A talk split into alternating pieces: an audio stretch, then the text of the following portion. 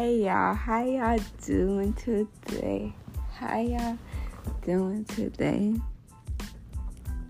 So, I'm back with another episode. I'm about to just speak my mind about my cousin. Y'all, y'all know my cousin Kamaya. If y'all know Kamaya, she getting so big, y'all. She she makes me happy, and she's she's just a baby. She's nine years old. But I want to do, just discuss because I've been thinking about like way back when I was all going through my own emotions. Now I got my family is like getting bigger. So I got like a lot of new cousins. I got like a lot of new cousins.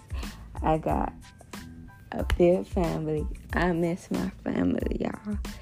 I miss my family. But I know we still gotta stay safe, y'all. But at the but at the same time, at the same time, we need to still try to live life. Like if COVID have not taught you nothing, like nothing yet, life is just too short to be anything but happy. I've been trying to focus on about my family and who I got friends. I got friends who check up up on me, but you got to set like if if I come to your family and stuff or someone like your family you, you just gotta set like banner like boundaries like you gotta set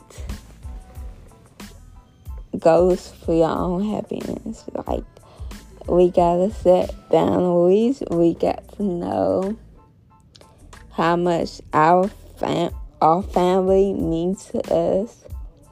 Like my family means a lot to me. And we recently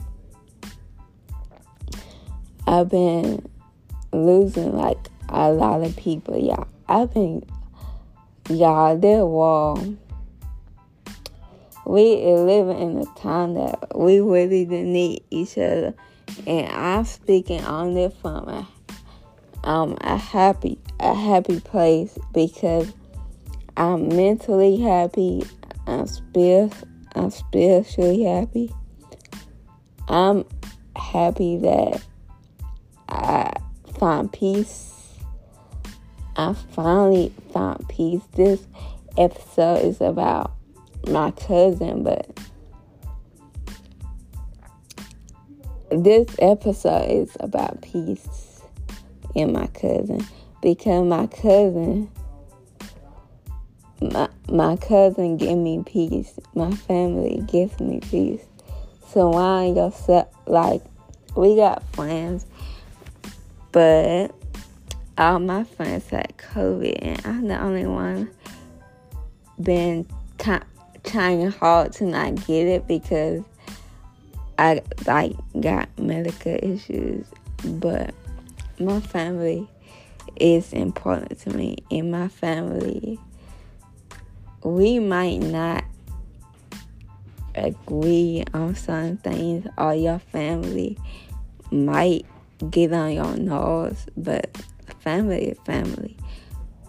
I would choose peace over everything, y'all. Peace and happiness. Peace and happiness. Peace and blessings to you all.